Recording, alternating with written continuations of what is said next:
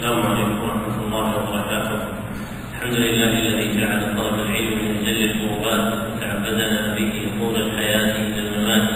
وأشهد أن لا إله إلا الله وحده لا شريك له وأشهد أن محمدا عبده ورسوله صلى الله عليه وسلم ما عقد مجالس التعليم وعلى آله وصحبه الحارسين مراتب التقديم. أما بعد فهذا الدرس الخامس والثلاثون شرح الكتاب السادس من برنامج التعليم المستمر في سنته الثالثة وثلاثين بعد الأربعمائة والألف وثلاث وثلاثين بعد الأربعمائة والألف وهو كتاب أعلام السنة المشهورة للعلامة حافظ بن أحمد الحكمي رحمه الله. وقد انتهى بنا البيان إلى قوله رحمه الله ما حكم السحر والساحر؟ نعم. بسم الله الرحمن الرحيم. الحمد لله رب العالمين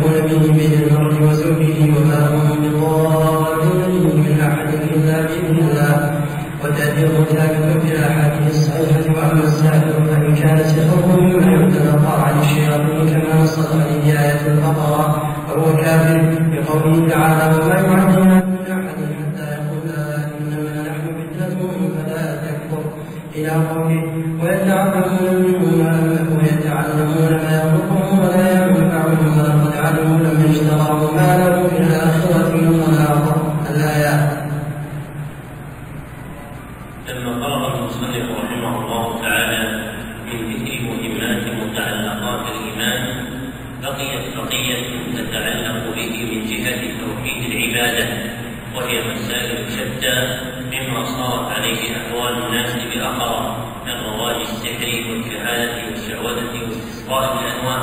فاقتضى ذلك تتميم الكتاب بذكرها واستفتحها بقوله اولا سائلا ما حكم السحر والساحر ثم اجاب عنه بقوله السحر متحقق وجوده وتأثيره مع مصادفة القدر الكوني. تنبيها إلى أن السحر سبب من الأسباب لا يستقل بكونه مسببا بل هو جار وفق قدر الله سبحانه وتعالى. فإذا صادف القدر المقدر من الله سبحانه وتعالى نفذ ذلك السبب وإذا لم يصادف قدر الله سبحانه وتعالى امتنع تاثيره وهذا معنى قوله تعالى وما هم بضارين به من أحد إلا بإذن الله أي لا يتحقق نفوذ هذا السبب إلا بإذن الله قدرا به. ثم قال رحمه الله وتأثيره ثابت بالأحاديث الصحيحة ولم يبين رحمه الله تعالى حقيقة السحر وكان جديرا به أن يذكر حقيقته لأن الحكم على الشيء فرع عن تصوره فيتعذر الحكم على السحر أو الساحر دون بيان حقيقته وسبق أن السحر شرعا واصطلاحا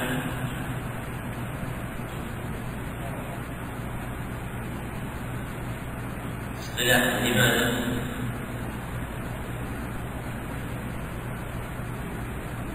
لا وجود له الشرع ليس هناك حقيقة مطلوبة الشرع للسحر فلا يقال شرعا وإنما يقال اصطلاحا لأن العرب الأول تواضعت على نقل كلمة السحر من معناها اللغوي وهو ما خفي وله فسببه إلى معنى آخر. وهذا المعنى كان جاء عندهم من باب الطبابة.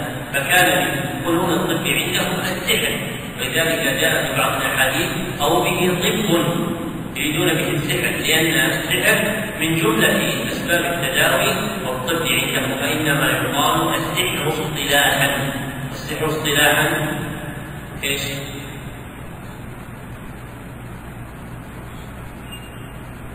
هذا السحر؟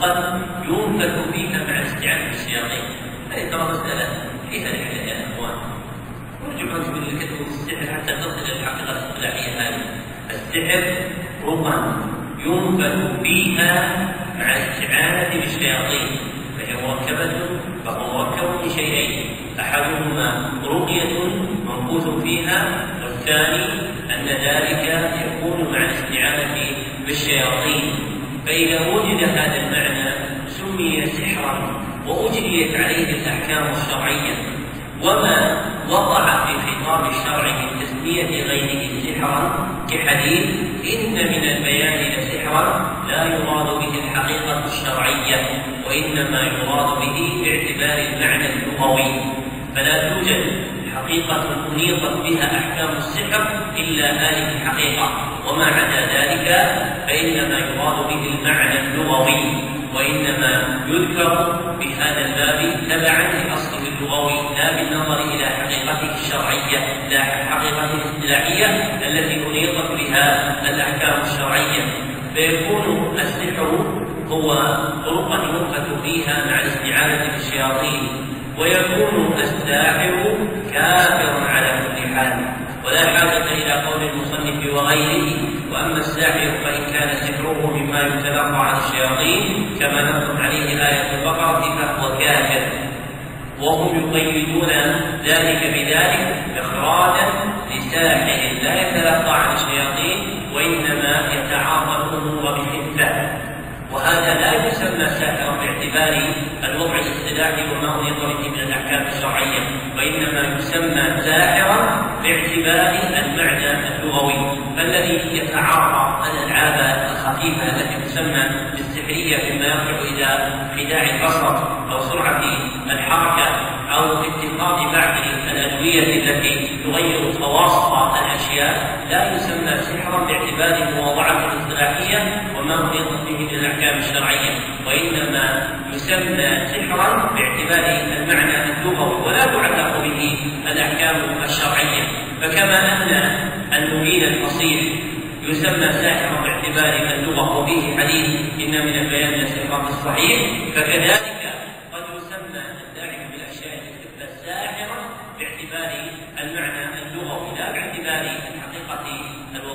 الاصطلاحية وما ترتب عليها من الأحكام الشرعية. فحينئذ لا يكون السحر الذي اصطلح عليه عند العرب إلا شيء واحد وهو التي ينفذ فيها مع الاستعانة بالشياطين. وتكون الأحكام الشرعية معلقة فيها وما عدا ذلك فإنه إن سمي سحرا فباعتبار المعنى اللغوي فلا مدخل. للأحكام الشرعية فيه فلا يقال حينئذ إن حكم الساحر يختلف باختلاف سحره فإن كان سحره بكفر فإنه كافر ويقتل ردة وإن كان سحره بغير كفر فإنه لا يقتل ويعزره ولي الأمر بقدر إرساله. يريدون بذلك من يخدع الناس ويسلبهم أموالهم بحسب ما يدعيه من الخصائص. كمن يعمل إلى قوم ويقول أنا أدخل يدي في النار ثم لا أفلحها فكم تدفعني من المال لتشاهد هذا فيدفعون له مالا فيتخذ من الأشياء ذوات الخواص التي تمنع الاحراق ما يتهم به ثم يضع يده ذلك فلا يحرقها فيسميه هؤلاء ساحرا وياخذ أموالهم ظلما وبهتانا فيعزر عند الحاكم. فمثل هذا لا يسمى سحرا باعتبار الحقيقة الاصطلاحيه وما خلق بها من الأحكام الشرعية وإنما باعتبار اللغة. ويكون فيه تأثير باعتبار فساده. أما الساحر فإنه إذا اطلق شيء واحد وهو الذي يعبد العقد وينقل فيها مستعينا بالشياطين. ويكون كافرا وسيأتي بيان حكمه. والدليل على كفره قوله تعالى وما يعلمان من أحد حتى يقولا إنما نحن فلا تكفر يعني بتعلم السحر فدل ذلك على حرمة تعلم السحر وأنه كفر وأن تعاطيه مكفر مخرج من الملة. سؤال ما حد الساحر. جواب روى الترمذي عن جبل قال قال رسول الله صلى الله عليه وسلم حد الساحر ضربه بالسيف. وصحح وقفه وقال والعمل على هذا عند بعض أهل العلم من أصحاب النبي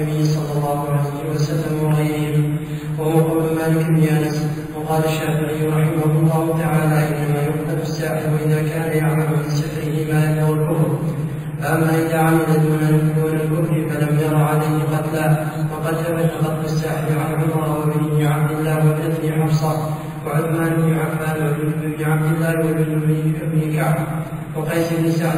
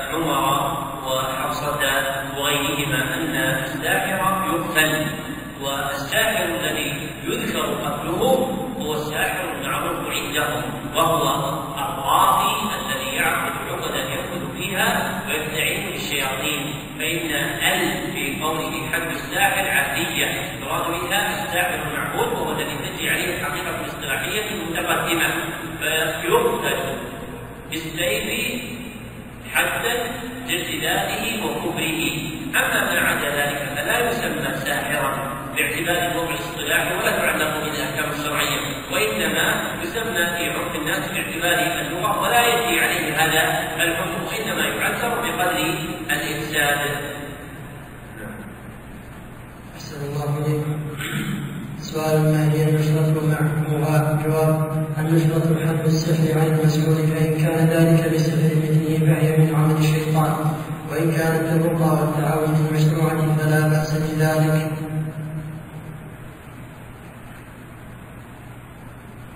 ذكر المصنف رحمه الله تعالى مسألة أخرى من المسائل التابعة للسحر وهي النشرة فقال ما هي النشرة وما حكمها؟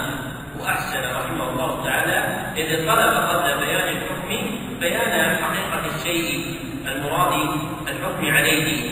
ثم أجاب رحمه الله تعالى بأن النشرة حمل السحر عن المسحور. وفصل في الحكم فقال فإن كان ذلك بسحر مثله فهي من عمل الشيطان وإن كانت الرقى الرقى والتعاويذ المشروعة فلا بأس بذلك. واضح تفصيل طيب كيف وصل هذا التفصيل؟ وعند أبي داود بسند قوي أن النبي صلى الله عليه وسلم سئل عن النشرة فقال إيش؟ إيش قال؟ التوحيد هي من عمل الشيطان هي من عمل الشيطان. لماذا النبي صلى الله عليه وسلم ما فصل؟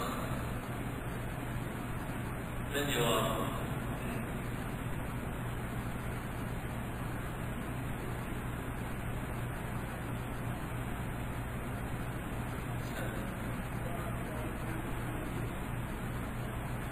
أيوه وش الخاص؟ حل السحر بس يعني هذه النشرة وأما حلها بغير السحر يسمى نشرة باعتبار إيش؟ باعتبار اللغة باعتبار اللغة هذا القول فيها القول في السحر فنقول النشرة اصطلاحا هي حل السحر عن المسؤول بمثله وهذا هو الذي تعرفه سألت عن النشرة وأما تسمية حله بالرقى والتعاويذ نشرة فهو باعتبار المعنى اللغوي للنشر لأن النشر عن المريض هو حل أسباب علته عنه. فيكون المصنفون الذين يذكرون أحكام النشر على هذا التفصيل أرادوا النشر باعتبار معناها اللغوي وهي الحل عن المريض سواء كان مسحورا أو غير مسحور بسحر أم بغيره. لكن النشرة التي علقت بها الأحكام الشرعية هي النشرة التي تعرفها العرب وهي دواء من أدويتهم وهي حل السحر عن المسحور بسحر مثله وهي محرمة. والقول فيها تابع للقول في السحر لذلك جعله النبي صلى الله عليه وسلم من عمل الشيطان لأن السحر من عمل الشيطان. وأما ما ذكره من قوله وإن كانت بالرقى والتعاويذ مشروعه فلا بأس بذلك فهذا يرجع إلى حكم الرقية. ومداواه الرقيه سواء في مداواه مسحور أو في مداواه معيون أو في مداواه مريض بمرض من الأمراض الظاهره أو غير ذلك. الله عليكم سؤال ما هي الرقية المشروعة؟ جواب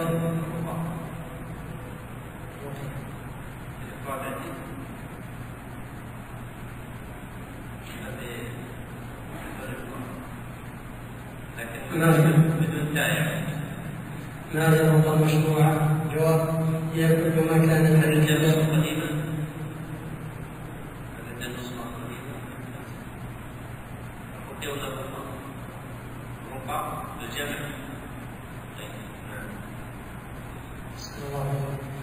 جواب هي كل ما كانت من الكتاب والسنة خاصة وكانت في لسان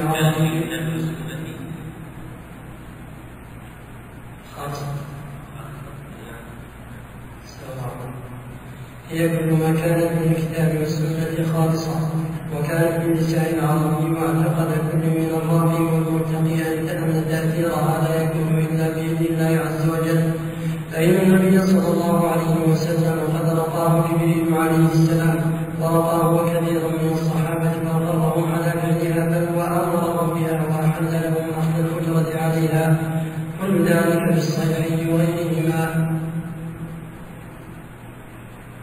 ذكر المصنف رحمه الله تعالى سؤالا آخر فقال ما هي الرقى المشروعة؟ ثم أجاب عنه بقوله هي ما الكتاب والسنة. خالصة إلى آخر ما ذكر. ولم يبين رحمه الله تعالى حقيقة الرقى وتقدم أن الرقى جمع رقية وأن الرقية إيش؟ هي العودة هي العودة الملفوظة والعودة اسم لما يتعول به فإذا كانت العودة ملفوظة سميت رقية وإذا كانت مكتوبة سميت إيش؟ سميت تميمة إذا كانت مكتوبة معلقة سميت تميمة وأما الملفوظة فتسمى الرقية وذكر المصنف رحمه الله تعالى أن المشروع منها ما كان للكتاب والسنة خالصا وكان بلسان العرب واعتقد كل من الراقب والمتقي أن التأثير لا يكون إلا بإذن الله عز وجل وأحسن من هذا ما في الصحيح ما في صحيح مسلم أن النبي صلى الله عليه وسلم لما سئل عن الرقى قال لا بأس بالرقى ما لم تكن شركا. فالرقى المشروعة هي الرقى السالمة من الشرك. هي الرقى السالمة من الشرك. واتفق العلماء على جواز الرقية بثلاثة شروط. أولها أن تكون من القرآن أو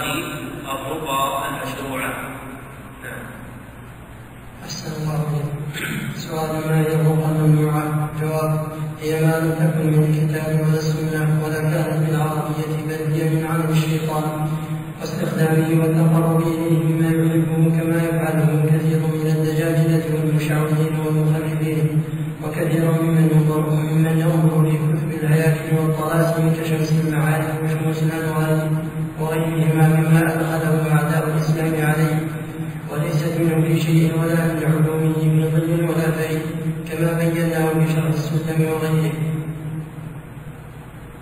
ذكر المصنف رحمه الله تعالى سؤالا اخر فقال ما هي الرقى الممنوعه ثم اجاب عنه بقوله هي ما لم تكن من الكتاب والسنة فلا كانت بالعربيه بل هي من عمل الشيطان واستخدامه والتقرب إليه بما يحبه إلى اخر ما له.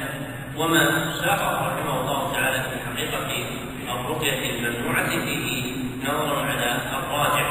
فإن الرقية إذا لم تكن من الكتاب والسنة لكن كانت مفهومة المعنى معقولة المبنى فإنها جائزة ولو كانت بلسان أعجمي فلو أن إنسانا لا يحفظ الذكر المعروف اللهم رب البأس وهو ذو لسان أعجمي فجاء بهذا الذكر بلسانه الأعجمي ورقى به مريضا فإن رقيته صحيحة.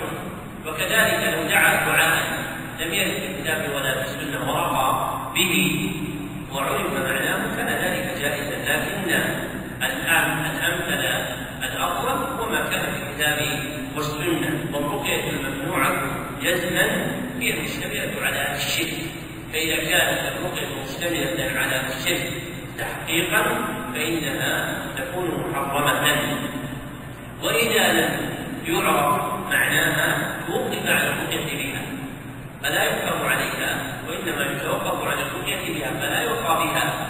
فإذا اطلع على معناها وكان صحيحا جازت الرقية بها.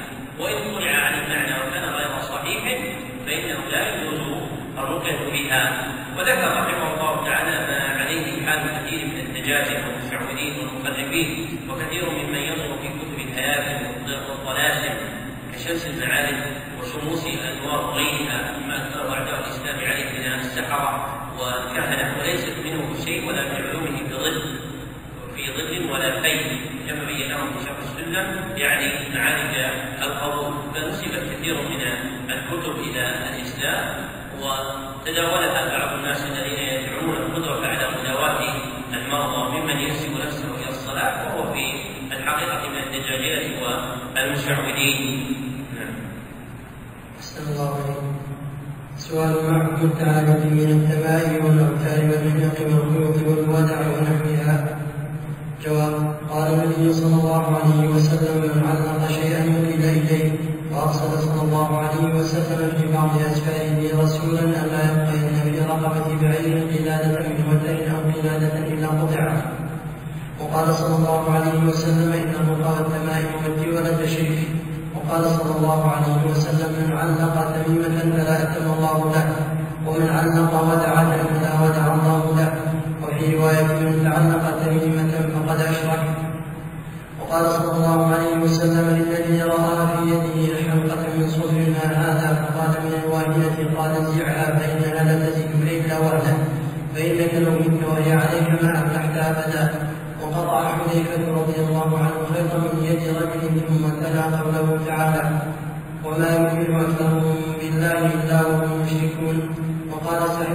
سعيد بن جبير رحمه الله تعالى من تميمة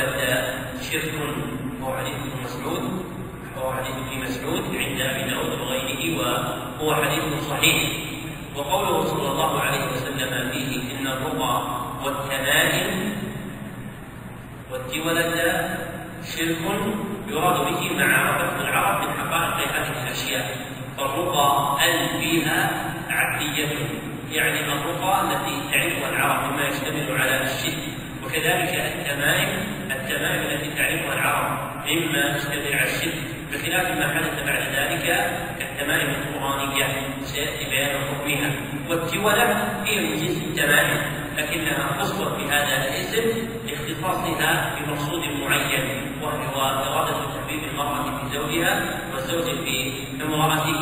ثم أورد حديث من علق تميمة فلا أتم الله له ومن علق وجعة فلا وجع الله له يعني فلا ترك الله له أخرجه أحمد.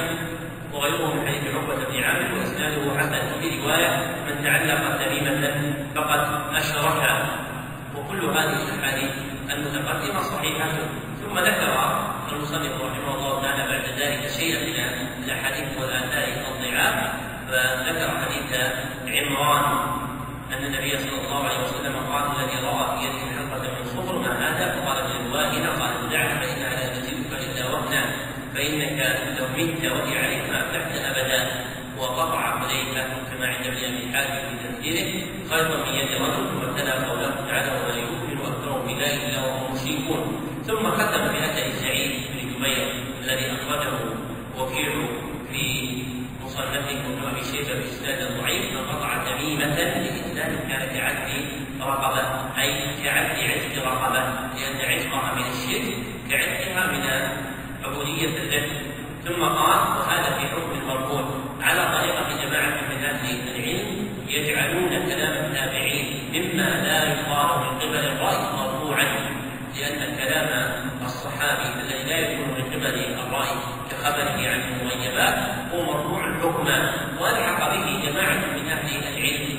كذلك ما جاء عن التابع مما لا يقال من قبل الراي فيجعلونه مرفوع حكما ويكون حكمه حكم المرسل فيكون ضعيفا. لأنه ولو كان مرفوعا مصرحا به إلى النبي صلى الله عليه وسلم فهو مرسل فيكون ضعيفا. وهذه الأحاديث الصحاح ختم داله على حرمة التعاليق وأنها شرك وأن من تعلق تميمة فقد دعا عليه النبي صلى الله عليه وسلم أن لا يتم الله له أمره. ومن علق ودعة ويسمى بما يسمى من البحار مما يسمى المحار وغيره فإنه دعا بان لا يدع الله له يعني ذلك الله سبحانه وتعالى له. أحسن الله إليكم سؤال حكم المعلق إذا كان من القرآن. جواب يروى جوازه عن بعض السلف وأكثرهم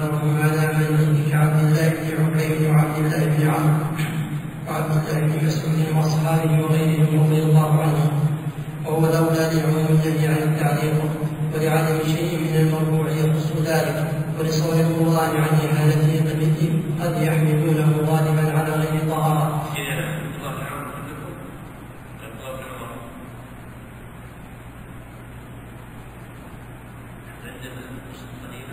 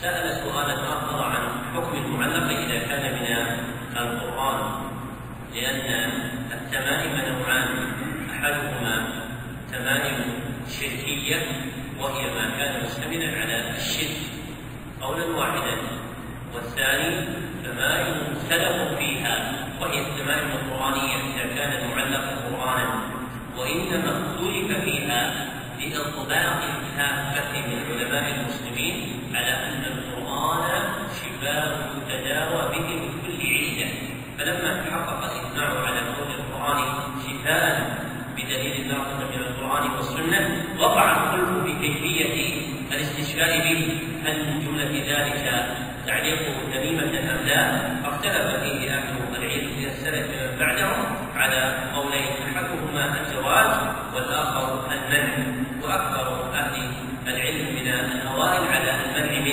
وهو الصحيح لأمور ثلاثة. أولها عموم النهي عن التعاليق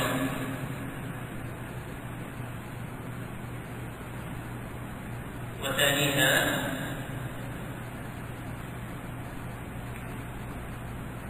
صيانة القرآن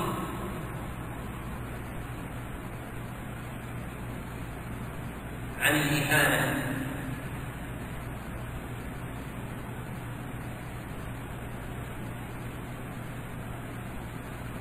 وذلك بعدم الدخول به إلى الأماكن المستخبثة أو كون حمله على غير طهارة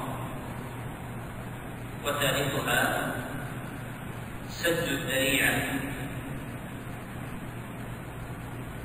المفضية إلى تعليق غيره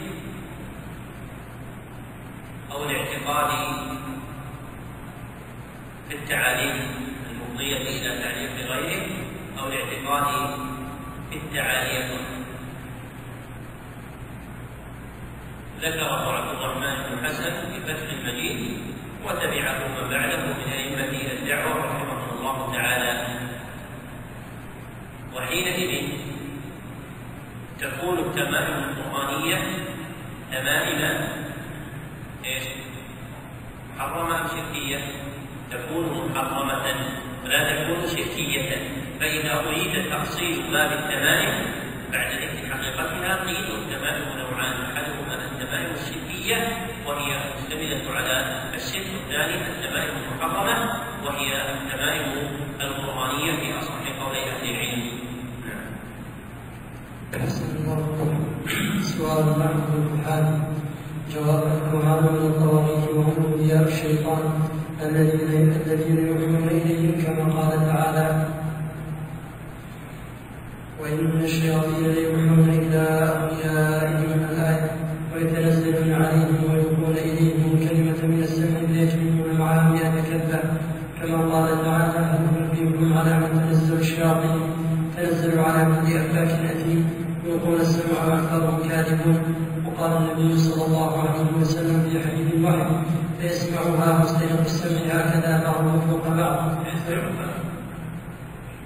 يسمعها ومستيقظ السمع هكذا بعضهم فوق بعض فيلقيها إلى من تحته ثم يلقيها الآخر إلى من تحته حتى يلقيها على لسان الساحر أو الكاهن فربما أدركه الشهاب قبل أن يلقيها وربما ألقاها قبل أن يدركه فيكذب مع مئة كذبة الحديث في ومن ذلك الخلق بالأرض الذي يسمونه القرآن وهكذا الخلق بالحصى ونحوه أورد المصنف رحمه الله تعالى سؤالا آخر فقال ما حكم الكهان ثم أجاب عنه بقوله الكهان من الطواغيت ولم يبين رحمه الله تعالى حقيقة الكاهن لتفضي تلك الحقيقة إلى معرفة الحكم عليه وتقدم أن الكاهن هو من يخبر عن المغيبات بالأخذ عن مستند السمع ومن يخبر عن المغيبات بالأخذ عن مستند السمع من الجن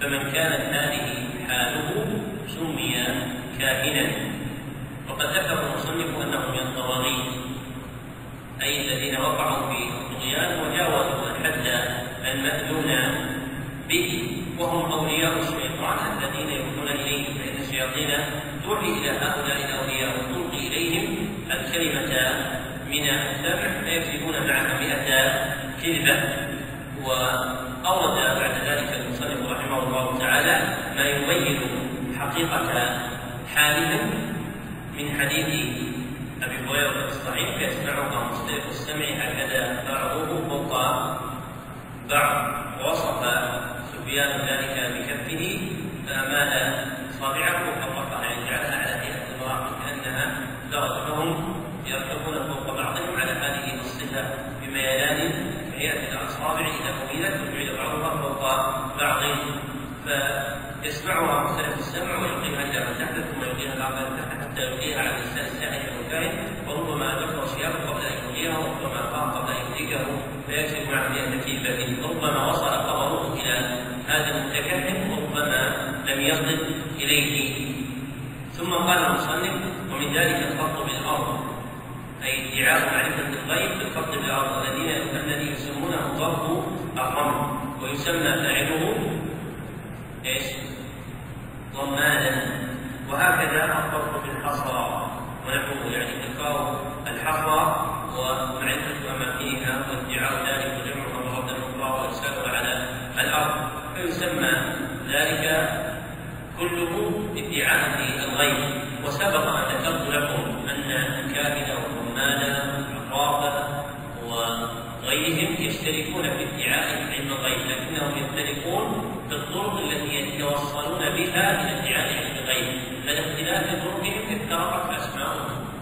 فسمي الكاهن كاهنا لأنه يتكهن معرفة المغيبات وذلك في مختلف السمع وسمي الرمال رمالا لأنه يضرب بالرمل. وسمي العقاب عقابا لأنه يستدل بأمور معروفة ظاهرة على أمور غائبة مستقبلا. فالاختلاف في الطرق تنوعت أسماؤهم وهم يرجعون إلى أصل واحد وهو ادعاء الغيب. فحكم الكاهن كافر لأنه مدعي للغيبة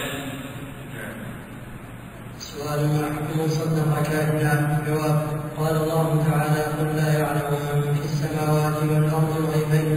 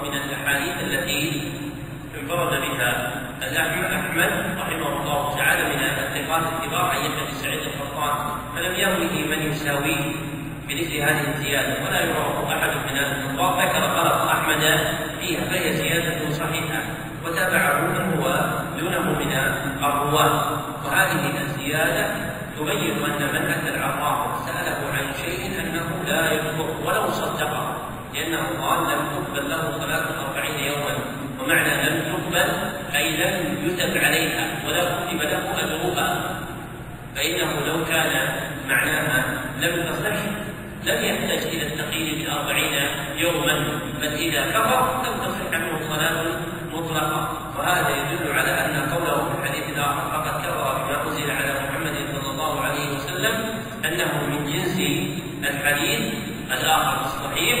سباب المسلم فسوق وقتاله كفر فهو يدل على أنه كفر أصغر. وهذا أصح قولي أهل العلم أن تصديق الكاهن كفر أصغر. لا يكون العبد به من الملة. ومن جزائه أن تقبل له صلاة أربعين يوما وهو مأمور بإقامتها لكن لا جزاء له عليها أما الكاهن فإنه كافر.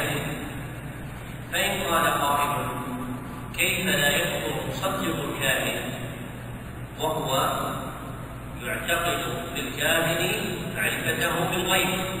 ومعلوم أن الغيب لا يعلمه إلا الله. ومن اعتقد أن أحدا من الخلق يعلم الغيب فهو كافر ما الجواب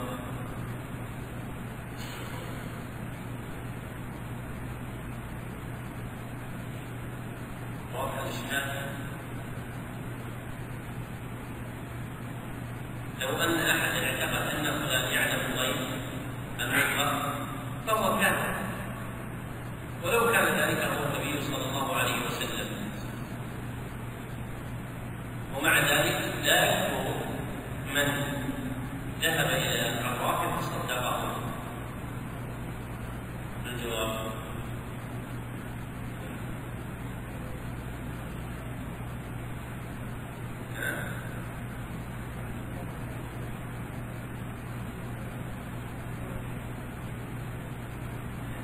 حديث المعنى الجديد لم تكن العرب تذهب إلى الكهان تعتقد انها تعلم الغيب وانما كانت تعتقد ان هؤلاء لهم اتصال من جن وان للجن قوى عظيمه تقدر على احراز ما يريدون فهم لا يعتقدون في الكافر معرفته بالغيب وانما يعتقد ان له اتصالا بالجن وان الجن لهم قدره عظيمه يحدثون بها ما لا تقدر عليه الانس فلذلك لا يكفر من سأل عرافا فصدقه لأن المعهود في العرب أنهم لا يعتقدون أن الكهان الذين يذهبون إليهم أنهم يعلمون الغيب وإنما لهم اتصال بالجن يمكنهم من إحراز امور لا تقدر عليها الإنس.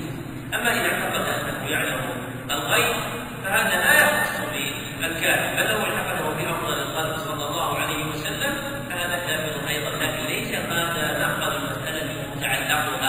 فإن ادعاء علم الغيب أحد من الخلق لا يختص بالكافر بل كل أحد ادعي فيه ذلك كفر مدعيه ولكن الكائن تعتقد فيه العرب أن له قوى عظيمة يستمد بها من الجن ويحدث ما لا يحدثه الإنس بطبيعتهم. أحسن الله عليكم سؤال حكم التنجيم جواب. قال الله تعالى وهو الذي جعل لكم النجوم وقال تعالى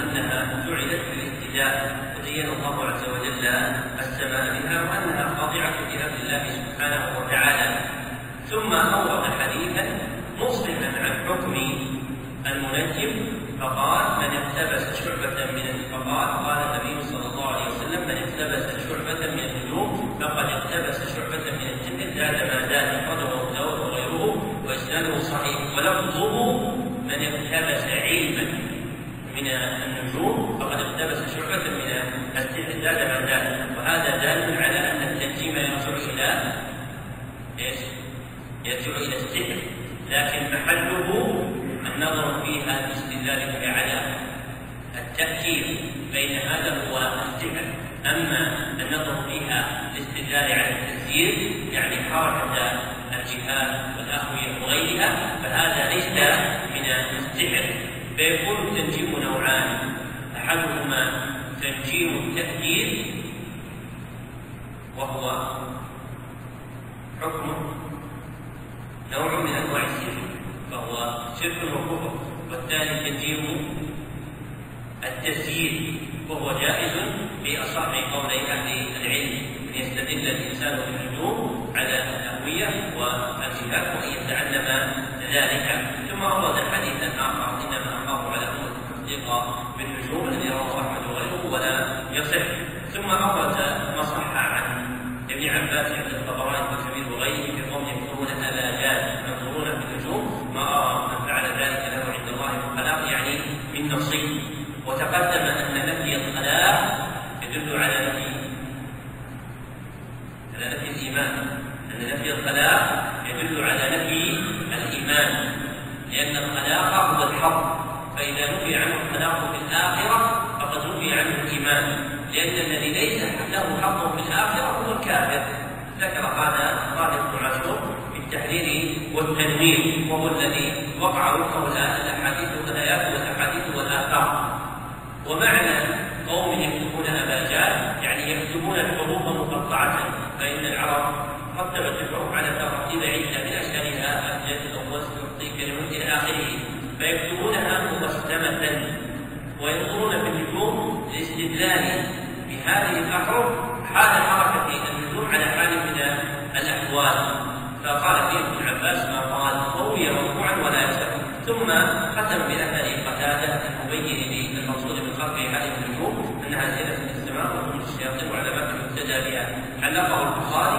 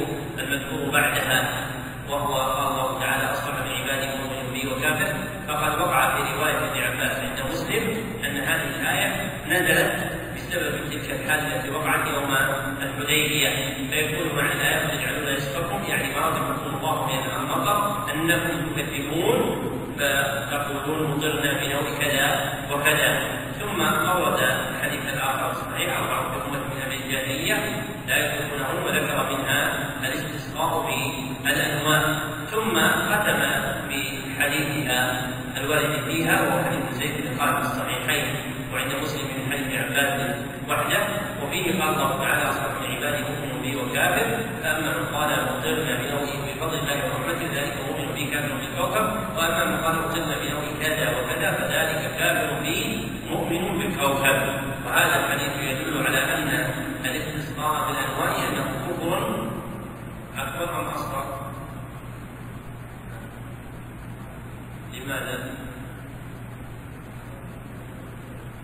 ولم يقل ولم يقولوا من قرن له كذا وكذا وهو كفر اصغر لانهم جعلوه سببا فقالوا مطرنا بنوم كذا يعني بسبب كذا ولم يقولوا من قرن له كذا نبه على هذا الشيخ سليمان بن عبد الله في تيسير العزيز الحميد فعلم ان اعتقاد قوله سببا انه كفر اصغر اما اذا اعتقد انه مسبب بنفسه فهو كفر اكبر لكنه ليس مقصودا للمسلم لأن المسلم لا يقع في قلبه ان احدا غير الله سبحانه وتعالى يرزقه المطر والغيث أحسن الله إليكم سؤال مع حكم الطيرة وما يجيبها بقي مما يتعلق من المباحث السابقه انه اذا اعتقده ظرفا جاز ذلك كان يقول مطرنا في إيش؟ في الوسط مطرنا في الوسط هذا جائز هذا خبر عن الظرف الذي يقع فيه وفيه حديث اذا طلع النجم ارتفعت كل عالم ومن أهل العلم من يفسره ومعنى قوله اذا طلع النجم يعني اذا طلعت الثريا لأن النجم اذا طلع العرب يراد به نجم الثريا نعم سؤال مع حكم الطيرة وما قال الله تعالى ألا إنما طائركم عند الله وقال النبي صلى الله عليه وسلم لا عدوى ولا طيرة ولا آمن ولا صفر وقال صلى الله عليه وسلم الطيرة شرك الطيرة شرك قال ابن مسعود رضي الله عنه وما منا إلا ولكن الله يهيبه بالتوكل وقال صلى الله عليه وسلم إنما الطيرة ما ردك وجاء أحمد من حديث عبد الله بن عمرو من ردته الطيرة عن حاجته فقد أشرك. قال فما كفارة ذلك. قال أن تقول اللهم لا خير إلا خيرك ولا طير إلا طيرك ولا إله غيرك. وقال صلى الله عليه وسلم اصدقها الباب ولا ترد مسلما فإذا رأى أحدكم ما يكره فليقل اللهم لا يأتي بالحسنة إلا أنت ولا يدفع السيئات إلا أنت ولا حول ولا قوة إلا بك ذكر المصنف رحمه الله تعالى سؤالا اخر فقال ما حكم الطيره وما يذهبها ولم يبين رحمه الله تعالى معنى الطيره وتقدم ان الطيره إيش؟ ما هي الطيره؟ تشابه كيف نعرف استيقاظ وهي ما يحمل على الإقدام أو الإحجام ما يحمل على الإقدام أو الإحجام طيب لماذا سمي الطيران؟ لأن العرب كانت تحترم فتجعل ذلك بالنظر إلى الطير أحواله وطيرانه وأشكاله وغير ذلك ولا تتصل بالتشاؤم بل التشاؤم بعض الطيران أما الطيرة ما يحمل عن الأقدام أو الإحجام هذه هي حقيقة الطيرة ثم أورد في إبطالها قول الله تعالى إن ألا إنما الطائر عند الله ومعنى الطائر القدر يعني إنما قدركم عند ويستفاد من هذه الآية إبطال الطيرة للإعلام بأن قدر الله نافذ ولا يغيره شيء وأن الطيرة أو غيرها لا تغير بقدر الله سبحانه وتعالى شيئا. ثم أورد الحديث المتفق عليه لا عدوى ولا طيرة وفيه نفي ما كان يعتقده أهل الجاهلية فيها.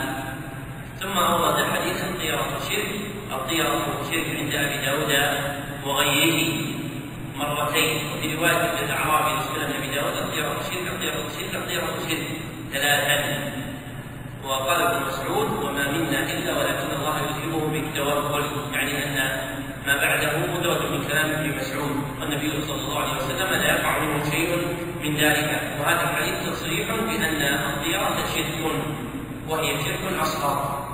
وأما حديث انه الطيره كما انظرت ولك فاسناده ضعيف وهو عند أحمد وكذلك الحديث الذي يليه هو ضعيف أيضا لا يثبت. وأما ما جاء في الحديث وفيه ضعف وفي معناه من الصحاح غير أصدقها الفال فهذا لا يدل على أن الطير على أن الفأل من الطيران. ولكنه نسب إليها باعتبار وجدان التأثير. باعتبار وجدان التأثير. فالفأل فيه تأثير وكذلك الطيرة فيها تأثير. لكنهما يفترقان أن التأثير في الطيرة محرك في الأقدام أو الإحجام والبال مقوم وليس محركا. مقوم وليس محركا باعثا فهذا هو الفرق بين الفأل والطيرة. وحقيقة الفأل هو التيمم بقول أو فعل. الفأل هو التيمم يعني طلب اليمن وهو البركة والخير بقول أو فعل فمثلا إنسان ركب الطائرة فلما جاء عند مدخلها رأى اسم الذي يستقبله اسمه سعيد. فتفاءل. التفاؤل هنا هو طلب الخير والبركة من كل الذي استقبله به اسمه سعيد هذا يسمى فألا فإن وصل إلى الباب ووجد اسمه سعيد مثلا رجع. فهذا طيرة هذا طيرة الأول كان قد عزم من قبل على السفر. ولما رأى اسم سعيد بعثه على السفر أن قواه وحركه قواه ونشطه قواه ونشطه وأما الثاني فإنه كان باعثا له على فتح السفر. ومنعه من السفر. فتفارق الفأل فتفارق الطيرة الفأل من هذه الجهة. أحسن الله عليكم سؤال ما حكم العين. جواب قال النبي صلى الله عليه وسلم العين حق الطيرة هذه تنتشر الأمور على أنها من اللعب الآن الصغار تجد يأخذ وردة ويقطعها. أذهب ما أذهب أذهب ما أذهب أذهب. ما أذهب يقطع ما أذهب لا يروح ويضحكون أهله التطير قد الطيرة هو إنتهى. قطع المراقع عنده عند لا أذهب قطع صنع ما أذهب طلع هذا حرب. إني ما أذهب هذا من الطيرة لا يجوز فعل هذه الأشياء.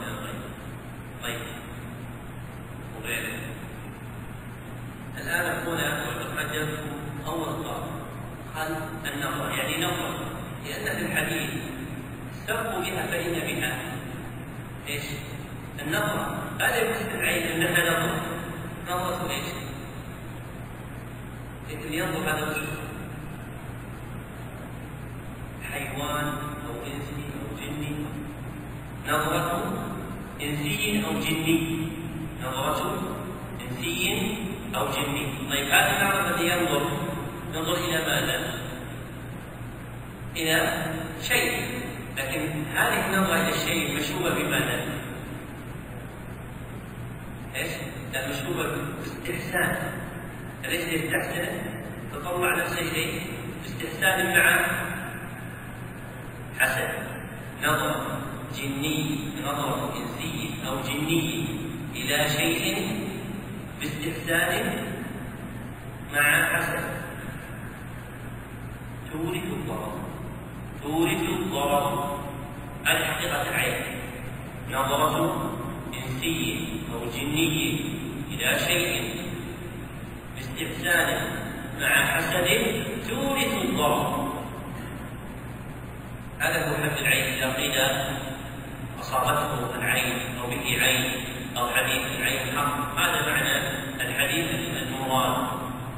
وقولنا باستحسان يعني تطلع إليه فنفسه تتطلع إلى هذا الشيء وتستحسنه ولو لم يوجد هذا التطلع لو لم يوجد معنى الضرر الذي ينتج من هذه النفس الخبيثة. وقد أخبر النبي صلى الله عليه وسلم عن العين فقال العين حق فهي من جهة وقوعها.